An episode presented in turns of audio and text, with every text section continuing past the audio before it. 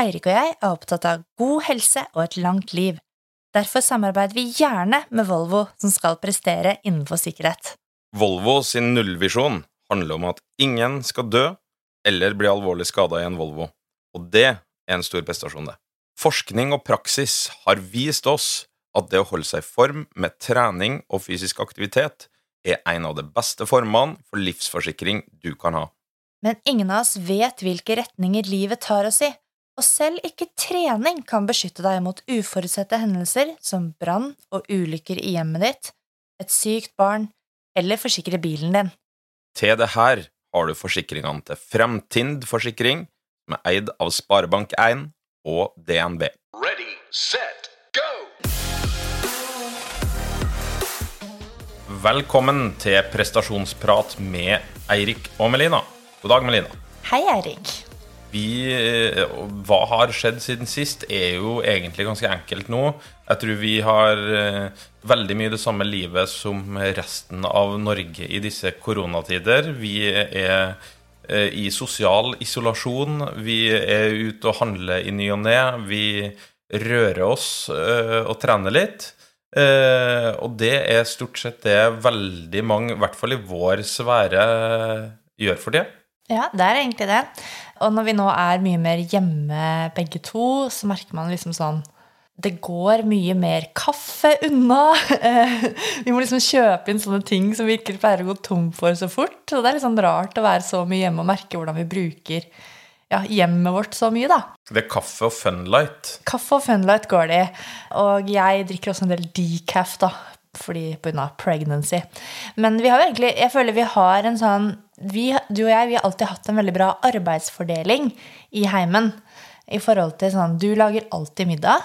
Yes. Eller sånn alltid Nesten alltid, da. og jeg er eh, hun som liksom baker når hun får ånden over seg.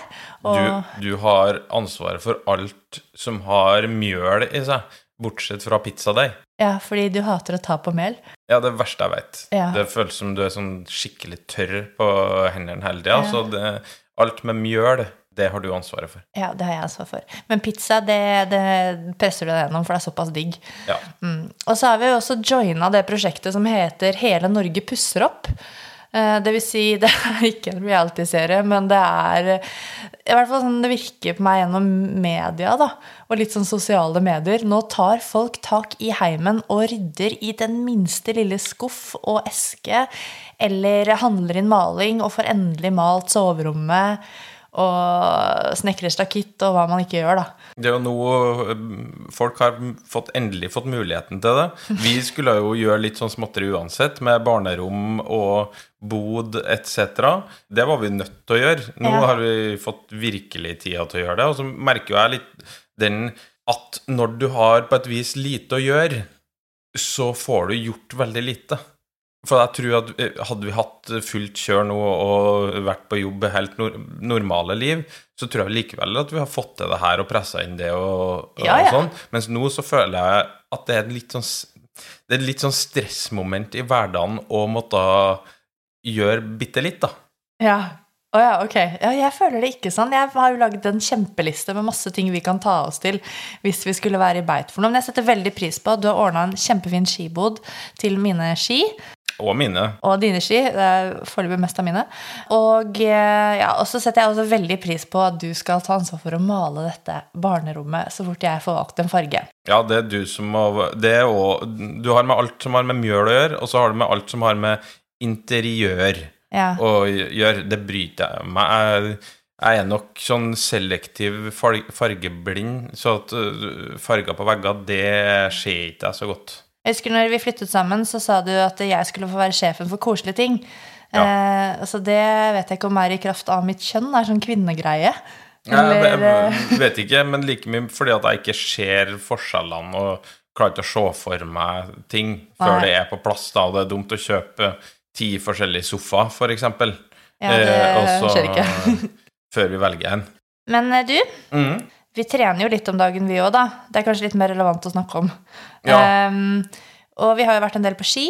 Bruker siste rest av skiføret i Sørkedalen. Vi dro oss opp til hva heter det, Svartbekken? Svartbekk. Svartbenken Ja. i Nittedal. Det var også kjempefint å gå på ski, så hvis noen på Østlandet leter etter litt skiføre, så er det nydelig der. Og så har jo du trappa opp løpingen din litt. Ja, det trappa opp og trappa opp. Eh, Ut ifra hvor lite jeg har sprunget i vinter, så skulle det ikke så veldig mye til å trappe det opp. Men jeg har i hvert fall begynt å sprunge litt. I dag hadde jeg faktisk to ganger 3000 og pluss to ganger 1000 meter. I litt sånn kupert eh, terreng. Jeg kjenner jo det i beina nå. At eh, problemet er jo egentlig ikke motbakkene, problemet er nedoverbakkene som du da får etterpå. Beina mine tåler ikke det helt ennå, men samtidig jeg, jeg har ikke noe problem med å ta noen dager pause fra uh, løpinga etterpå.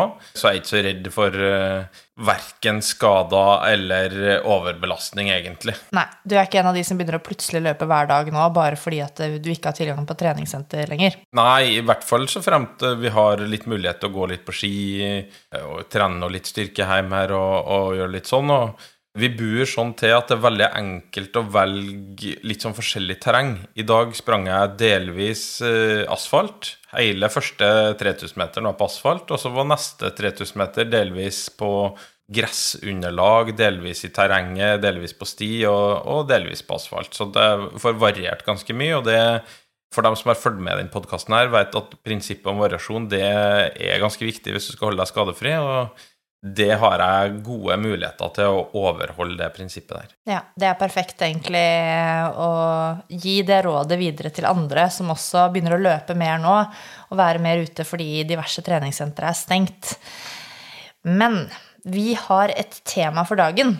Ja, det har vi. Og det er, jeg husker ikke på om Nummer én, jeg husker ikke på hvilken podkastepisode det var i. Og jeg husker ikke på om det var et lytterspørsmål, om, eller om det var bare et spørsmål du stilte meg en gang, som gikk på I og med at jeg har vært trener både for jenter og gutter, om det var store forskjeller på det. Jeg tror mitt svar var noe sånn at nei, det var det ikke. Ikke i mitt hode, men det er noen få ting sånn som jeg kanskje følte at var litt annerledes. Men i stor grad så er min holdning at du skal trene ei jente som du trener en gutt, og vice versa. Du skal ikke gjøre så store Gjøre en stor greie ut av at det er noen forskjeller der, da. Det skal vi fordype oss litt i i dag, fordi at episoden i dag har vi kalt 'Den kvinnelige idrettsutøveren'. Og grunnen til at vi tar opp det her, er, er jo nummer én at det er etterspurt veldig av lyttere som vi har. Og så er det, for oss som har lest litt forskning opp igjennom, da, så er det ofte i introen der at du ser eh, 10 healthy males, eh, 20 healthy males, eh, 15 healthy males Altså 95% om ikke mer av all forskning eh, som gjøres, gjøres på menn. Alt fra eh, farmakologi, medisin, idrettsforskning, alt. Men eh, sist jeg sjekka, så er vi sånn ca. 50-50 fordelt i verden på eh, jenter og gutter, kvinner og menn. Så kunnskap om kvinnekroppen i bevegelse er nok både underkommunisert og altfor lite forska på. Så ikke at vi skal starte å forske på det i dag, men vi skal i hvert fall prøve å gi et lite innblikk i det, den kvinnelige idrettsutøveren.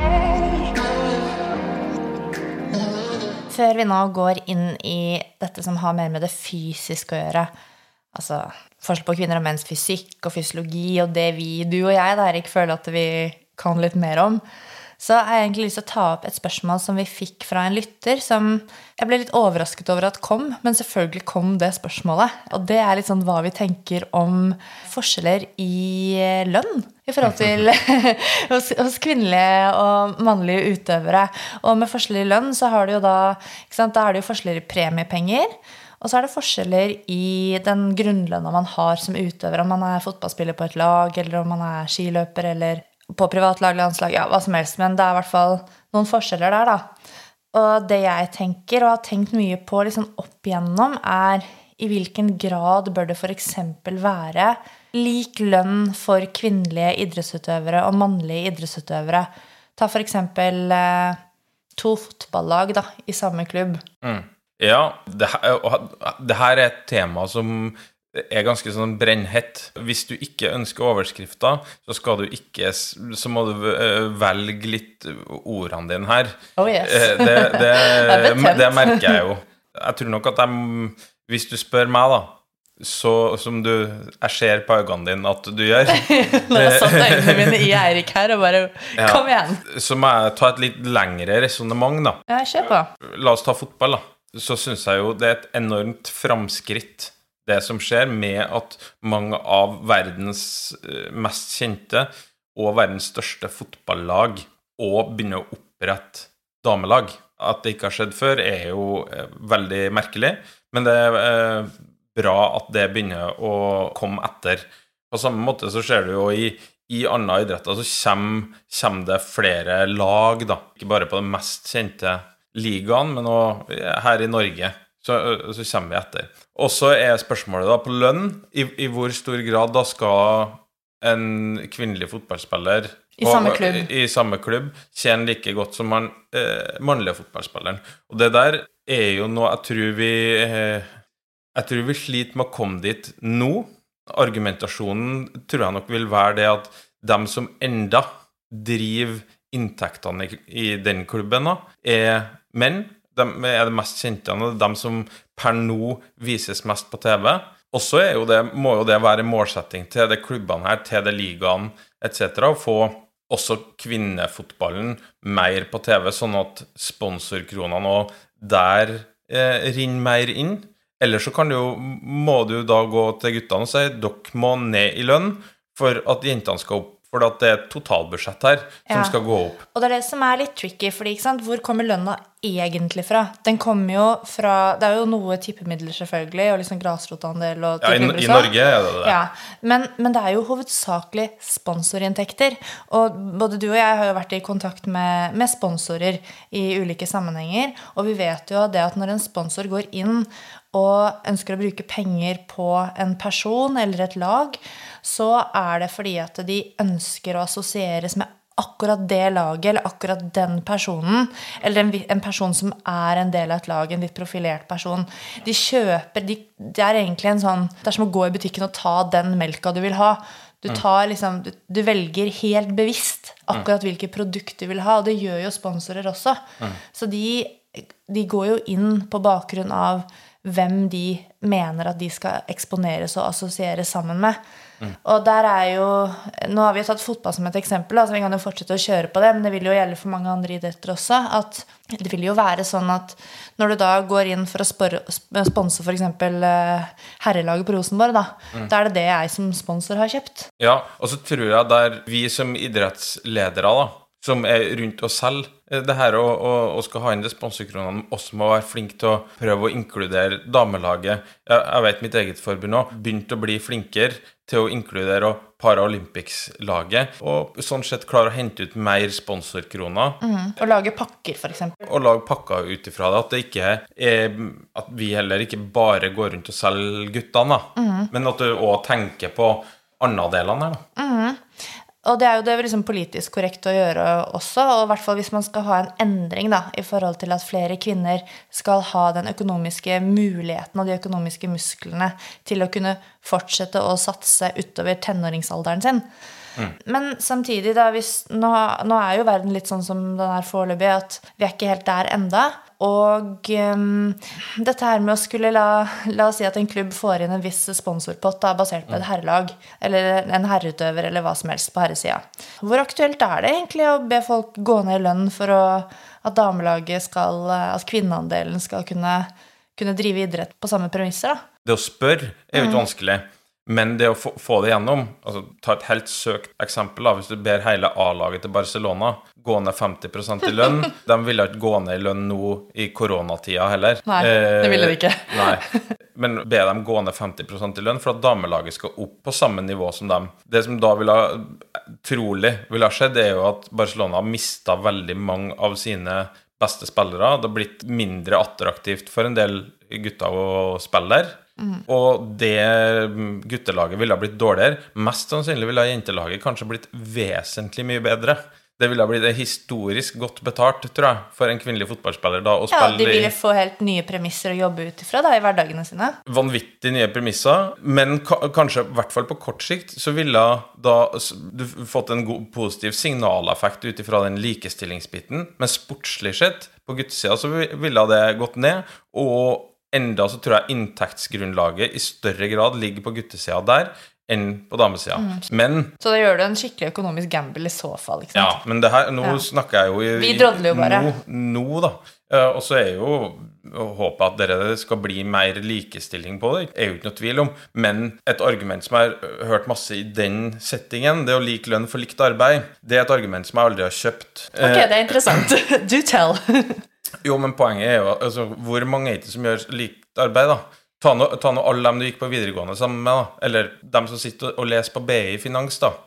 Hvert eneste år. Ganske mange av dem gjør likt arbeid der. Det er ikke alle som går ut med den lederstillingen etterpå, uansett. Nei, det er multifaktorielt, da, hvordan, liksom, hvor suksessfull du blir. Ja, altså i idrett altså Hvis du tar den idretten som jeg vet mest om, da, som er langrenn Hvis du tar treningsvolumet og dosene og jobben som gjøres til topp 50-60 i Norge, så, så står ikke den nå tilbake for jobben som gjøres til besten. Det gjør ikke den. Og uavhengig av om du er gutt eller jente, da. Ja, altså nå tar jeg på guttsida den, den jeg kjenner best, da. Så det er ikke der det står. Jobben, Nei, jobben tenker er en veldig bra. Det er ikke egentlig det det uttrykket betyr. Det betyr mer at sant, hvis du og jeg sto eh, i en situasjon hvor vi har like kvalifikasjoner, vi konkurrerer om den samme stillingen, og la oss si at jeg fikk den, men jeg får tilbudt mindre lønn enn det du får. Det blir Jo. jo Det er jo der Det skjønner jeg. Eller f.eks. to, to ledere, en kvinnelig og en mannlig leder, som har samme type lederstilling og får forskjellig lønn. Det blir ikke rettferdig. Nei, det skjønner jeg, men jeg, jeg tenkte i en kontekst der at vi, vi jobber like hardt For å nå målet vårt. for å nå målet Ja. vårt i en sånn idrettsperspektiv. Men én blir nummer én, og én blir nummer ti. Ok, men la oss ta et nytt eksempel, da. Og det siste nå før vi går videre. Hva med premiepenger? Ja. Fordi at eh, ikke sant? Jeg husker jo tilbake til når Vibeke Skofterud gikk Vasaloppet. Og hun var en av de som, i hvert fall hvis jeg husker riktig, som sto litt ekstra på for at kvinner skulle få samme mm, premiepenger som menn. Og hun var vel en av pådriverne som fikk det gjennom. Og så er det jo sånn at i mange, eller mange arrangementer eh, så er det forskjeller på premiepengene til kvinner og menn innenfor den samme disiplinen. Kvinnene går ni mil på ski like mye som mennene går ni mil på ski. Og så fins det også innenfor ja, løpsdistanser og andre idretter. Jeg tenker at Blir du som nummer én, to og tre på kvinnesiden, så bør du få like mye penger som nummer én, to, tre på herresiden. Sånn rent prinsipielt sett. ja, og jeg tror vi har egentlig Altså, jeg er ganske stolt over at i, i langrenn har kommet et ganske mye lengre stykke der enn ganske mange andre idretter. Jeg sier ikke at, at, det er en perfekt idrett, men stort sett nå det er alle langløpet, verdenscup Altså, Mye av de største konkurransene som er, så er det likhet for loven der. Ja, på elitenivå er det relativt godt likestilt, og så er det fortsatt veldig irriterende for eh, Altså, hvis man går på et høyt mosjonsnivå, at man må starte i samme pulje som ørt, 14, menn 50 pluss, beklager alle sammen. Og ikke ha oversikt over sine egne konkurrenter. Og det er liksom småtterier her og der da, som fortsatt ja. kan liksom og, og, Men det tror jeg nok altså, Hvis du tar et svært, svært turrenn, da, mm. at en del veldig gode jenter blir satt litt sånn spredt utover i i hermetegn mannegruppa, da. Det er det som skjer, da. Ja. Og så tror jeg nok òg Ikke at jeg skal forsvare det på noe vis, men jeg tror jo at det her er en viss sånn logistikkopplegg. Altså, hvis du ser på antallet som faktisk går Det er ikke så mange, da. Nei, men du må, du må få eh, fordelt dem da, gjennom dagen. Det må du. Og, og jeg vet jo òg mange som syns det er veldig bra, fordi at da kan de få en bedre tid. Fordi at de Ja, kan du får henge på gutta. Det er litt både òg, da. Men det der med premiepenger, da, for eksempel. For, la oss si at det er um, Det kan være et skirenn, det kan være et rulleskirenn. Det er masse påmeldte menn, som det pleier å være. Og alle skal ut og gå. Og så er det en liten kvinneklasse. Og jeg blir nummer fire eller fem.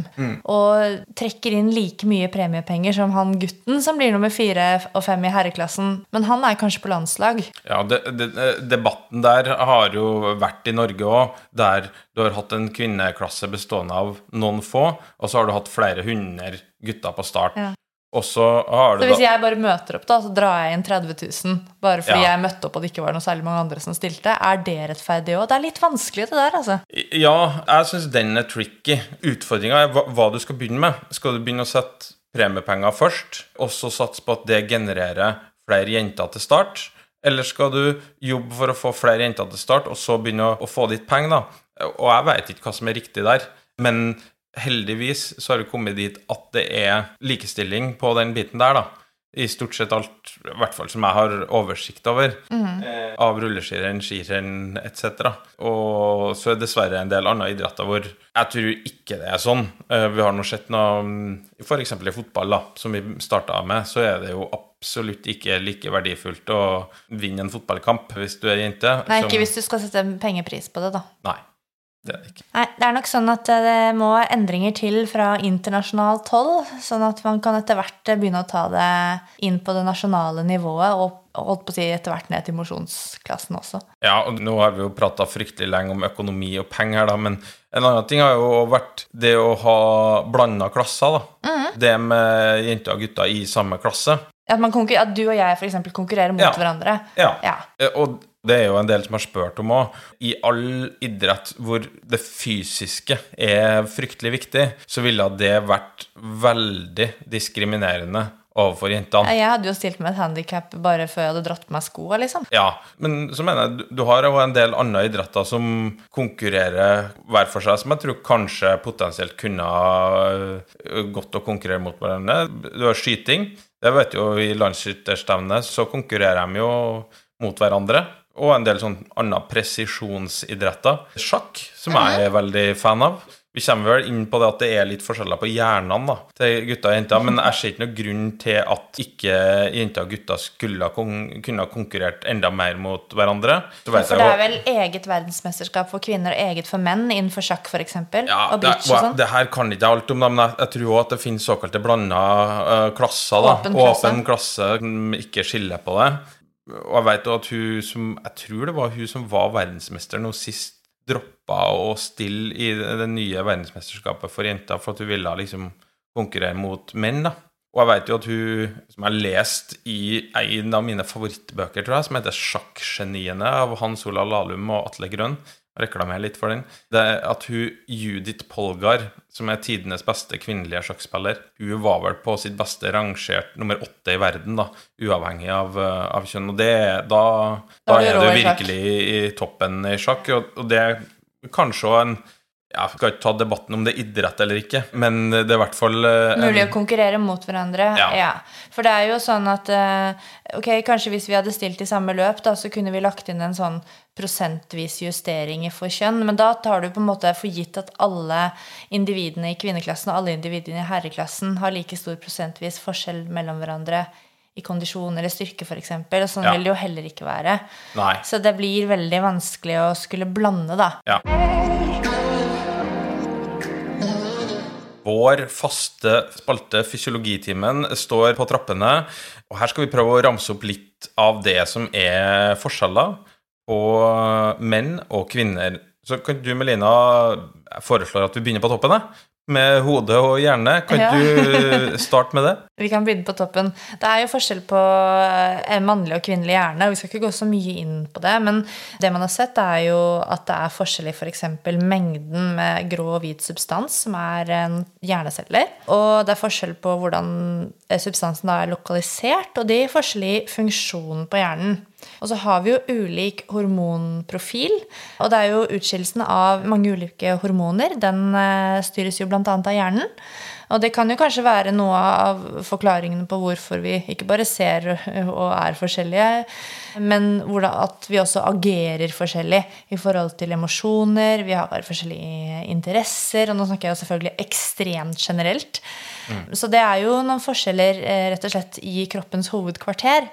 Og så er det jo også sånn at eh, ja, vi kan jo produsere barn, og ikke alene, da, men eh, og vi har menstruasjon og liksom noen sånne veldig åpenbare forskjeller. Det er kun ei gjennom tidene som har klart å produsere eh, barn alene, Tenker du tror på hun Maria? jeg. Hun, Maria. hun Maria, ja. Kroppsbygging, det er jo òg forskjellig. Menn er f.eks. I snitt en del høyere enn damer. Det gir jo sine fordeler eh, i forhold til um, vektarmer og potensialet til å skape større kraft, bare der. Ulik eh, sånn antopometri. Et Eller av, antropometri. Ja. et av mange vanskelige ord jeg skal si i dag, med mikrofon foran meg. Da sliter jeg ofte med diksjonen. Antropometri. Ja, så der, det altså. er jo proporsjonene på kroppen, da. Så, såkalt hypermobilitet da er mer vanlig hos kvinner enn hos menn. Men du har òg menn. Det har jeg, jeg har sett noen sånne dansevideoer som du av og til sitter og ser på. Der ser jeg noen menn som har noe ledd som er litt ekstraordinært. Ja, og Det er ikke sikkert de er hypermobile, da. De er bare veldig bevegelige. Ja. Men eh, det gir i hvert fall en litt høyere skaderisiko hos kvinner, da. At vi er, har større grad av hypermobilitet i enkelte ledd. Og så er det jo også, i forhold til det du nevnte med antropometri, så er det jo sånn at f.eks. så har kvinner litt annen stilling på lårbenet i forhold til hofta, som gjør oss litt mer disponert for f.eks. kneskader. Så det er litt sånn det er litt forskjeller rett og slett bare måten vi er bygd på. Men det er jo noen forskjeller på det sentrale òg. Ja, hjertet til eh, herrer, gutter, menn, så er da venstre ventrikkel og generell kammerstørrelse er større. Og så er mm, ereksjonsfraksjonen lik. Hva var det du sa det var det du kalte det? Ja, nå, nå bare sjekka jeg det. Jeg syns ejeksjonsfraksjonen Det er veldig mye morsommere å kalle det Ja, men det heter ikke ereksjonsfraksjon. Nei. Men den ejeksjonsfraksjonen, da, det er den prosentandelen av hjertekammerets eh, fyllingsvolum som pumpes ut i ett hjerteslag. Altså hvor mye av det du har inni hjertet når det har fylt seg med blod, og pumper ut en gang, hvor mye av det er det som pumpes ut. Og den er ganske lik.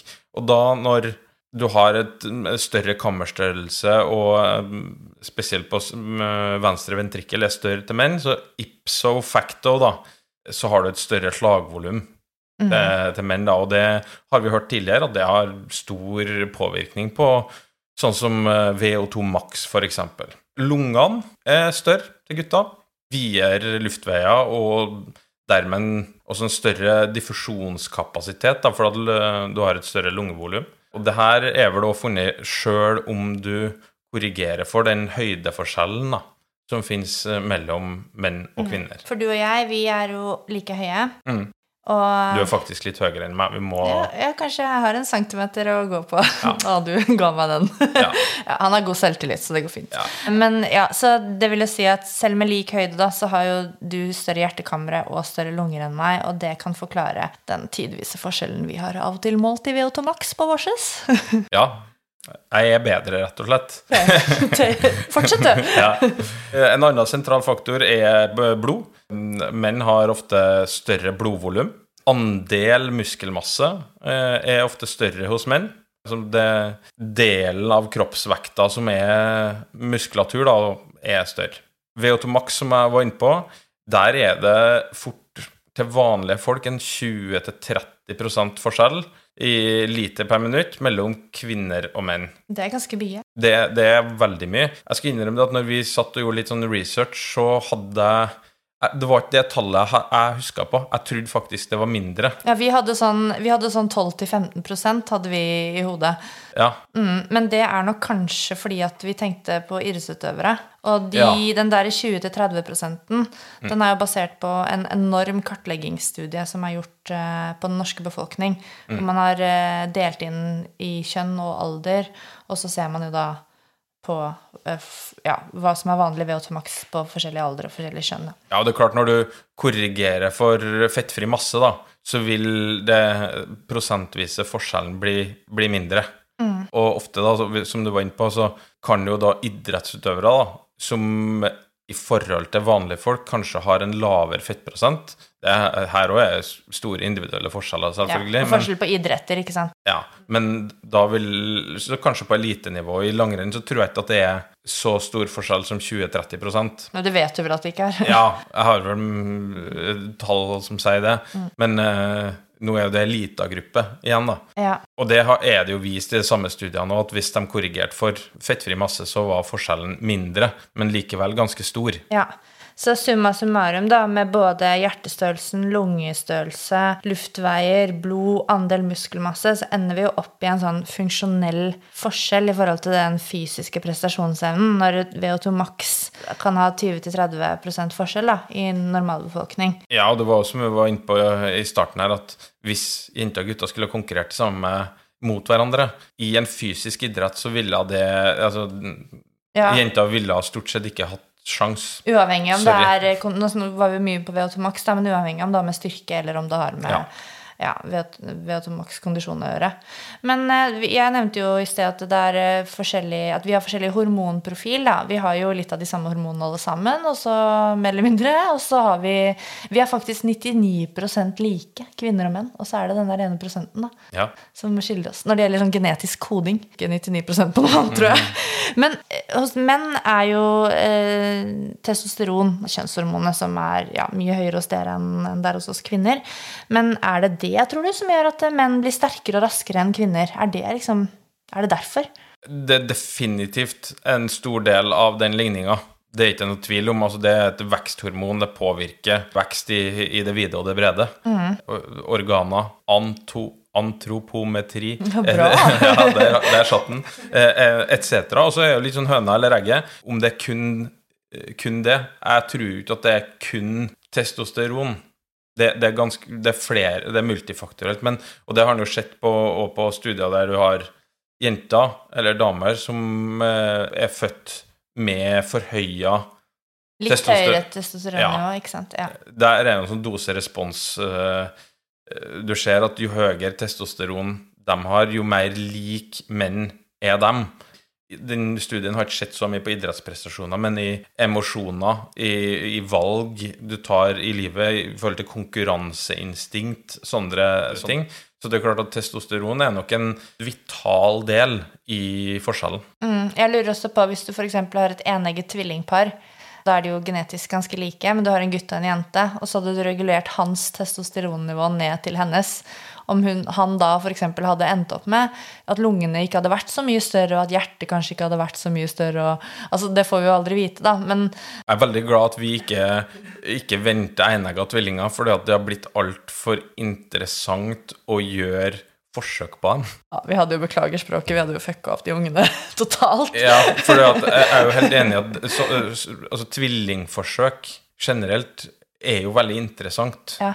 Uavhengig om det er For da kan du få en forskjellige cause and effect, ikke sant? ja, Uavhengig om du har ei jente og gutt, eller om du har to gutter eller to jenter, liksom, så, er, så er sånne ting noe av det jeg finner mest interessant da, Ja. å, å lese om. Så jeg er veldig glad at vi venter bare én. Akkurat, det gjelder sikkert ikke for alle, men akkurat du og jeg har godt av det. Ja. Men i hvert fall, det, der kommer vi i hvert fall gjennom litt av de kanskje mest sentrale forskjellene i dagens fysiologitime.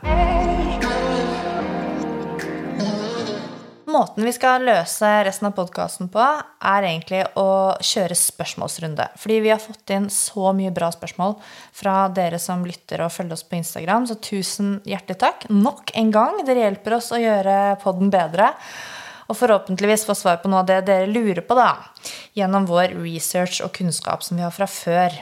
Og vi kjører i gang med første spørsmål, og det lyder hvordan differensierer dere mellom kvinner og menn i forhold til trening og kosthold? Mitt svar er i hvert fall at jeg differensierer i utgangspunktet ikke. Det kan godt være at jeg kanskje har noen forskjellige tanker om jeg trener en mann og en kvinne, men jeg ser at det som kommer ut på treningsplanen, det kommer ikke an på om du er mann eller kvinne. Det kommer an på treningshistorien din.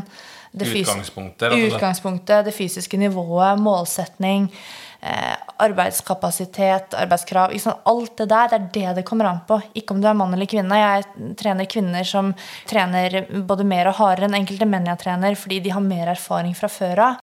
Men det kan godt være at jeg må tilrettelegge litt i forhold til f.eks. hvis jeg trener en kvinne som har veldig kraftige PMS-symptomer, man påvirkes veldig av menstruasjon f.eks., at du gjør noen justeringer der da, i treningsplanen. Men i utgangspunktet så gjør jeg ikke noen sånne forskjeller i volum og intensitet og Nei, altså du gjør ikke det på bakgrunn av deres kjønn. Nei. Og det er jo veldig i den kategorien som jeg har svart tidligere òg. At det er jo om de har pupper eller ikke, som avgjør om hvordan jeg er som trener overfor dem, eller hva jeg syns er viktig, og hva jeg som trener mener. Nei, for det har med individuelle hensyn å gjøre. Og der er jo jeg har alltid vært Tror at jenter kan gjøre veldig mye det samme som gutta hva gjelder volum. Klart at de kan ikke løfte samme vektstanger som en gutt. Det kan de ikke. De kan ikke springe like fort opp en bakke, men de kan gjøre det like mange ganger. De kan løfte den stanga ut ifra sine forutsetninger like mange ganger. De kan trene like mange timer, Ja. gitt at historien er den samme. Sånn at eh, det kan være at de relative treningsanbefalingene er like, men så er de absolutte forskjellige. Ikke sant? Du og Ja. jeg løfter både f.eks. 80% av vår 1RM i markløft, Ja. men sannsynligheten er at du faktisk løfter mer kilo enn det jeg gjør. Mm. Og i forhold til kosthold så um, tenker jeg at det, er akkurat det samme som gjelder der. Der er det jo individbasert rådgivning som gjelder. I forhold til hvis man trenger tilpasning av kostholdet, om man sliter med IBS, har allergi, om man skal opp i vekt, ned i vekt. Det kan være mange forskjellige problemstillinger eh, og ting å ta tak i rundt et kosthold. Men igjen så er det ikke, for meg i hvert fall, om du er mann eller kvinne, som er avgjørende hvordan rådgivningen blir, da. Det e- eneste kan jo være det altså, at en må kanskje passe på å få i seg nok jern. da. Jeg, nå sier ikke jeg det at eh, til gutter trenger ikke å tenke på jern, men det kan være at jenter i, i perioder trenger litt mer jern enn gutta gjør. Ja, det er noen ting du skal være mer obs på. Men det handler jo også litt om om noe presenterer seg som et problem. For at eh, vi kan ikke prøve å la altså, du kan, det er- forskjell på kvinner og menn. Vi er ikke biologisk like. Eksempel om du tar opp det med jern, da, eh, som er et spørsmål som vi også skal ta, er jo at sant, det kommer eh, Kvinner taper lettere jern enn menn gjennom menstruasjon. Vi taper også mikronæringsstoffer gjennom eh, svette, avføring osv. Så, videre. så det er jo en kjensgjerning at kvinnelige utholdenhetsutøvere eh, ofte kan være litt lave på jern. Så det er jo noe å følge med på. Men det er også ganske mange det ikke er et problem for. Så vi må liksom, ok, der det er, presenterer seg en utfordring og et problem, så må du ta tak i det. Og så gjelder det selvfølgelig å ja, Man må bare si det, da, når man snakker om kosthold. Eh, Følge Helsedirektoratets anbefalinger. Da skal det godt gjøres å liksom mangle noen ting. eh, Med mindre det er noe spesielt.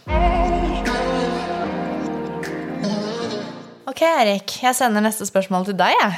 Takk. For det er litt i din leir. Ok.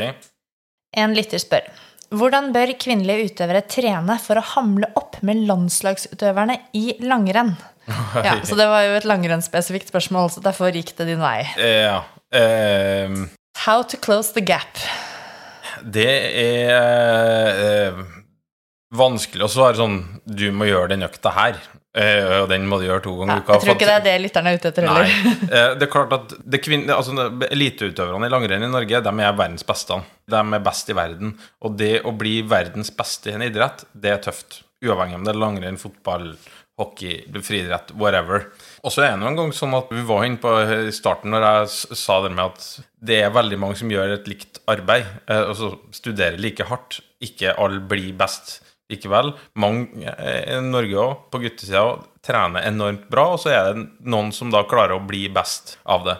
Og så tror jo jeg, da, det å skal kopiere noen, eller så Og tatt treningsplanen til Therese Johaug, da, eller Johannes Klæbo, da er det ikke sikkert at mange har nådd sitt potensial med å liksom bare kopiere det.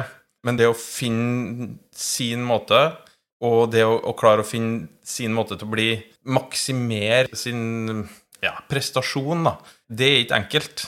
Nei. Det er det som skiller liksom Clinton fra Veten. De har klart å funne en måte som de blir best mulig på, men den gjelder ikke for så veldig mange. Og jeg, jeg tror jo i idrettsverden generelt så er det at folk prøver å kopiere alt som Mye det shopping. beste. Ja, Det opplever jeg også. En del utøvere som føler de trener, og de trener, de trener mye, de trener bra, men så er de egentlig ikke helt trygge i opplegget sitt, og de shopper litt rundt og har ikke helt funnet sin vei. Men jeg liker å si litt sånn eh, Jeg liker det sitatet som går som følger, som heter um, Be like Michael Phelps, stay in your own lane. Ikke sant? Du skal på en måte være på din vei, og Ja.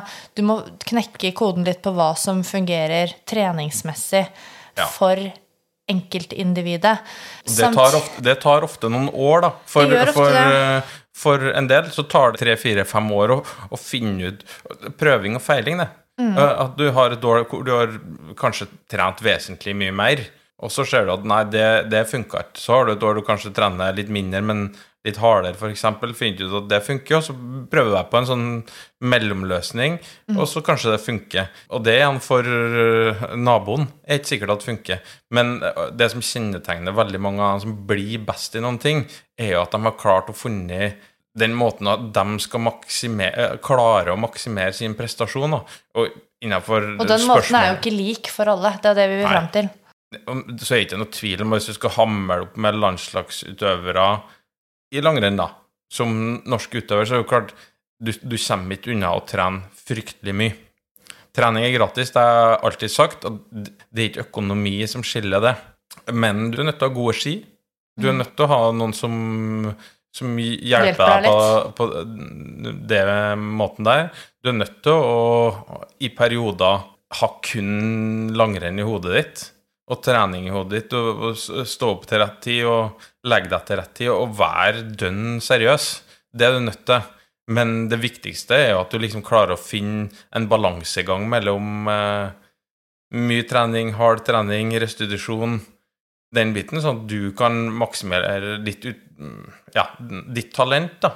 Og så er jeg, som jeg sier, det er ingen som blir verdensmestere. Det er også noen få som bekrefter den regelen. Men det å bli best i verden, det er det er ingen som blir. Nei, ikke sant? La oss si du har 100 utøvere da, i en gitt idrett. Som hver, alle har funnet hver sin vei som er helt optimale for dem. Alle starter likt. Men de kommer jo ikke likt i mål, fordi vi må også legge til grunn at eh, vi har forskjellig trenbarhet i forhold til genetikken vår også. Og så skal vi ikke liksom være offer for genetikken vår, for det syns jeg blir litt sånn Ja, ja. det blir for dumt igjen. Men det er en viktig komponent. Samtidig så er det viktig å ha fokus på det vi kan gjøre noe med, og det er å virkelig jobbe for å knekke koden for hvordan responderer du best rent fysisk og fysiologisk. Hva er det som får huet ditt til å skru seg skikkelig på som utøver, og, og holde motivasjonen over lang tid også, da, med tanke på det å være en 24-timers utøver mange dager på rad. Ja, og det det har jeg også sett mange ganger, at samme utøver går i samme fella om og om igjen. Oh, yes. Og da har du ikke fulgt med i timen. Altså, går du i felle, eller gjør et eller annet som virkelig ikke funker, da må du sette deg ned og reflektere hvorfor, hva var det som gjorde at det her ikke funka, og at du da neste sesong ikke gjør, kopierer akkurat det samme.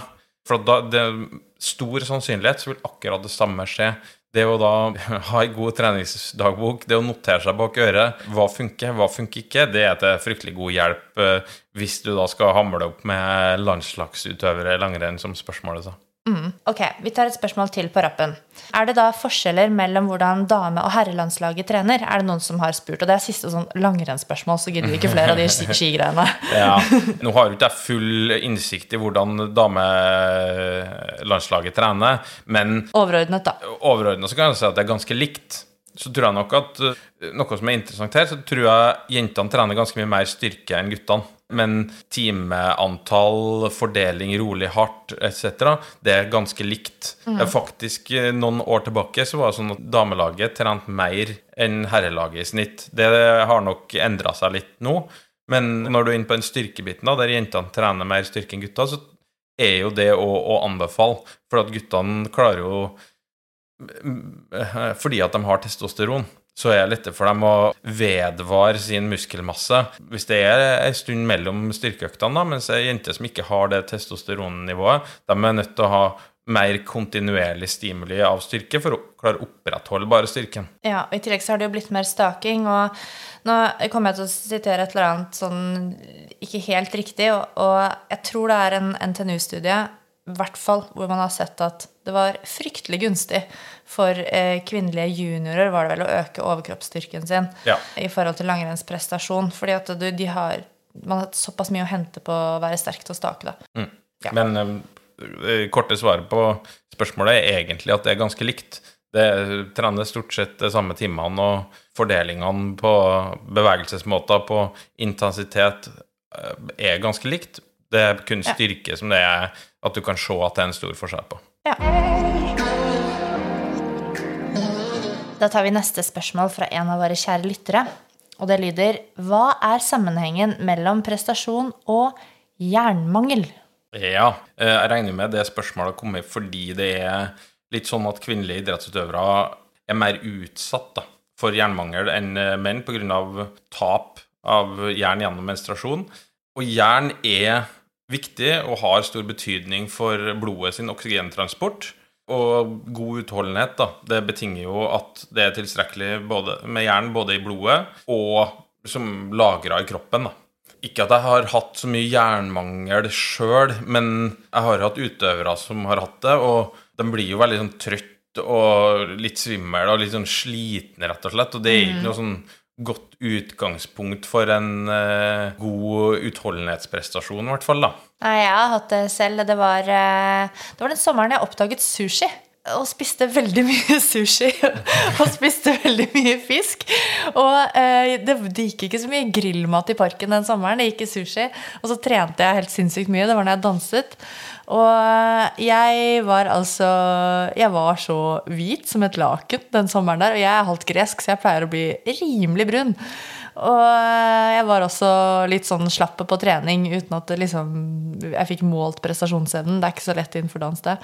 Men eh, da hadde jeg jernmangel, og det tar ganske Jeg snakker av erfaring når jeg sier at det tar ganske lang tid å bygge opp jernlagrene. Det gjelder jo ikke bare for meg, men det er jo noe man ser generelt også. Så derfor gjelder det å forebygge, da, med som du sier, å spise variert.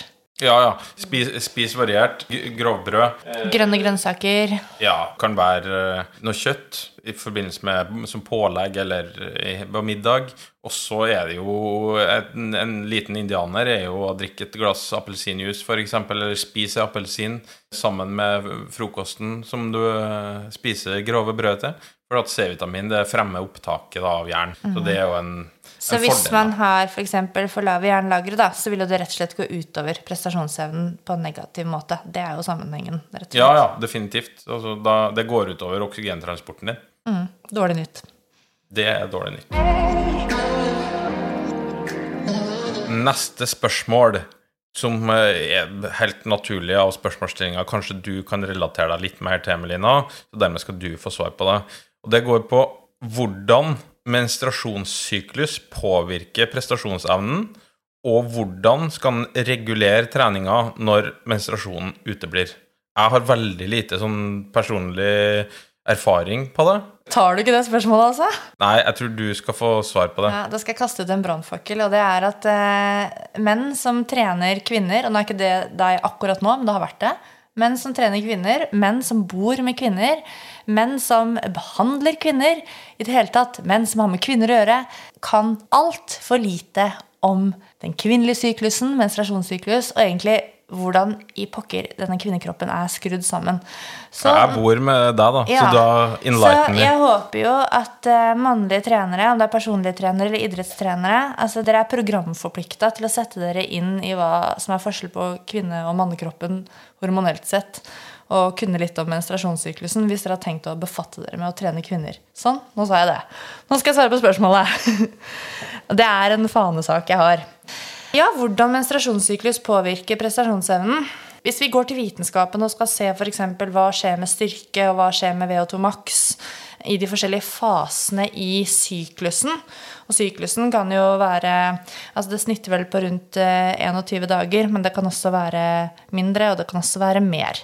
Men der er jo dataene sprikende. Du finner like mange studier som finner at eh, VO2 max er litt lavere i en del av selve syklusfasen, som at den er lik, eller som at den er høyere. Så summa summarum så kan vi ikke si at menstruasjonssyklus som sådan påvirker prestasjonsevnen. Men så er det dette med individuelle forskjeller, og også dette med premenstruelle symptomer, altså PMS.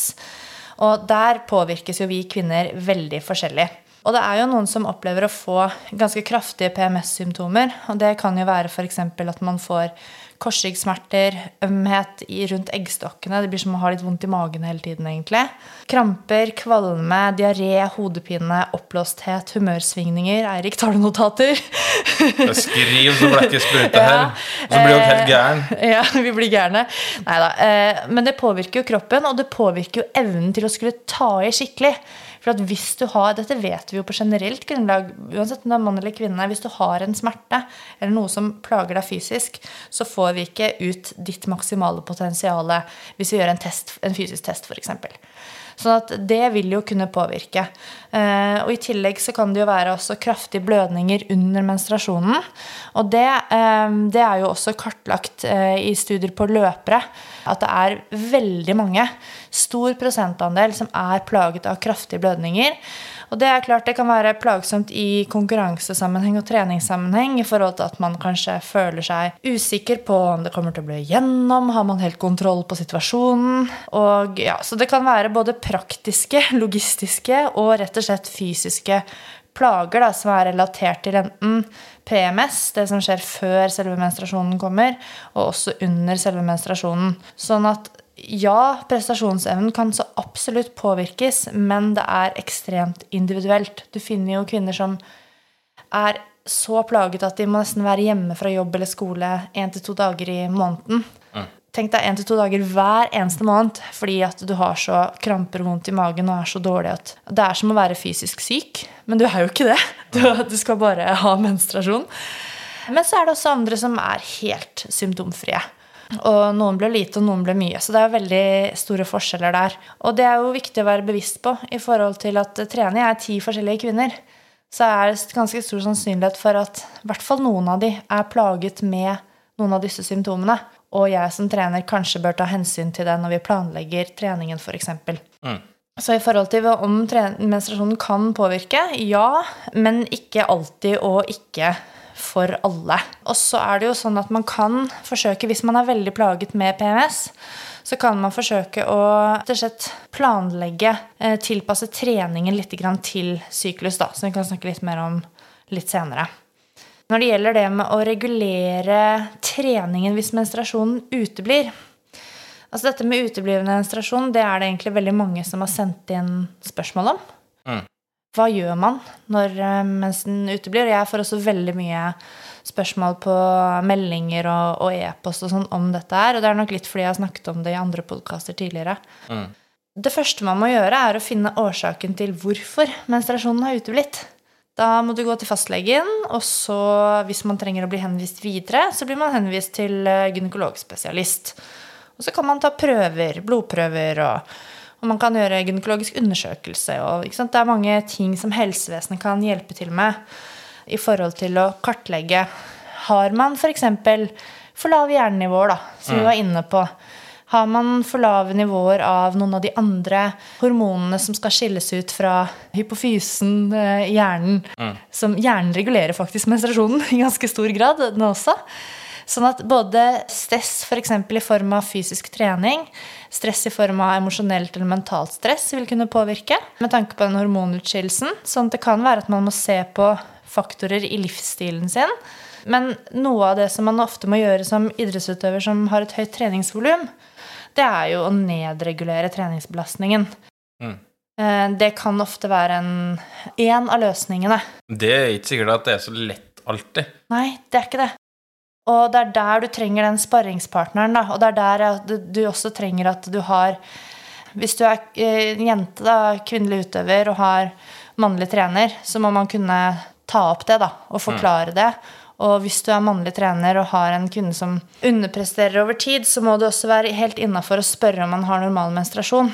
Det er et helt sånn legit spørsmål. Det er litt sånn 'pusser du tenna om morgenen'? Altså, ja, men det er Jeg bruker ikke å spørre noen om mine om man pusser tennene. Nei, men det skal være liksom på et trivielt nivå. Det skal ikke vi må ikke gjøre det tabu å snakke om det, fordi det er så viktig at det fungerer. Og det er et sunnhetstegn. Og det å ha en normal eh, menstruasjonssyklus, med mindre man har noen andre ting som ligger til grunn, da.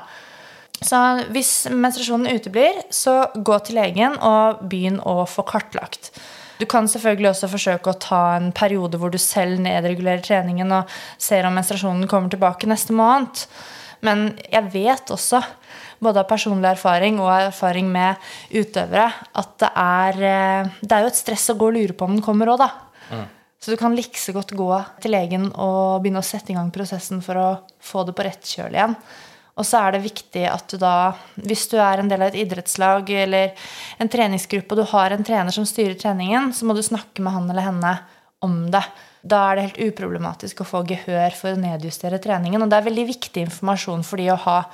Hvis jeg som trener hadde fått vite lang tid i etterkant at jeg burde justert ned treningen eh, fordi at jeg hadde en utøver som hadde uteblivende menstruasjon, og jeg ikke hadde klart å liksom, plukke opp det, hadde følt meg ganske dritt. Mm. For da pålegger du folk mer enn kroppene deres tåler. Og det, tar, det, trenger det syns jo ikke utenpå, ikke sant. Nei. Så det kan være på treningssida. eh, Det kan være at man også må regulere andre, andre faktorer.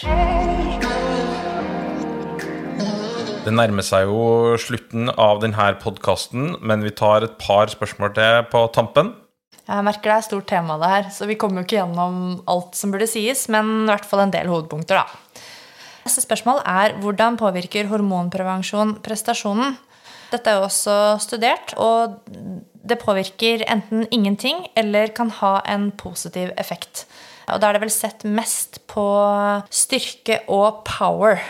Og nå vet jeg at jeg har de studiene et eller annet sted langt inne i Mac-en, men eh, de får jeg vel klare å finne til Få legge dem ut etterpå. ja, til notatene. Men i utgangspunktet så trenger du ikke være bekymret for prestasjonsevnen ved å gå på hormonprevensjon. Veldig mange utøvere begynner også på hormonprevensjon for å få mindre PMS-symptomer og mer forutsigbar menstruasjonssyklus, som gjør at de får trent bedre kontinuerlig. Det er jo et personlig valg og noe man må ta med legen sin i forhold til om det er en grunn til å begynne på hormonprevensjon. Men eh, det kan i hvert fall være en slags bieffekt, da. En slags positiv bieffekt. Og så tar vi siste spørsmål. Det er Bør man gjøre tilpasninger av treningen til syklus? Både ja og nei. Hvis du ikke har noen spesielle utfordringer med PMS, store blødninger altså Hvis ikke du er plaget nevneverdig i forhold til menstruasjonen, så trenger du på en måte ikke lage det mer komplisert enn det det er. Så da vil jeg si nei, det trenger du ikke. Du trener som normalt, du følger din treningsplan, eventuelle periodiseringsplaner hvis det er planlagt. Men hvis du opplever at du stadig vekk har f.eks. et par utøvere som har opplevd at det er alltid sånn tre-fire dager i måneden hvor det blir drittøkter og ræva trening, og du får ikke løfta det du skal, du får ikke løpt sånn som du vil. Altså Man underpresterer alltid de dagene.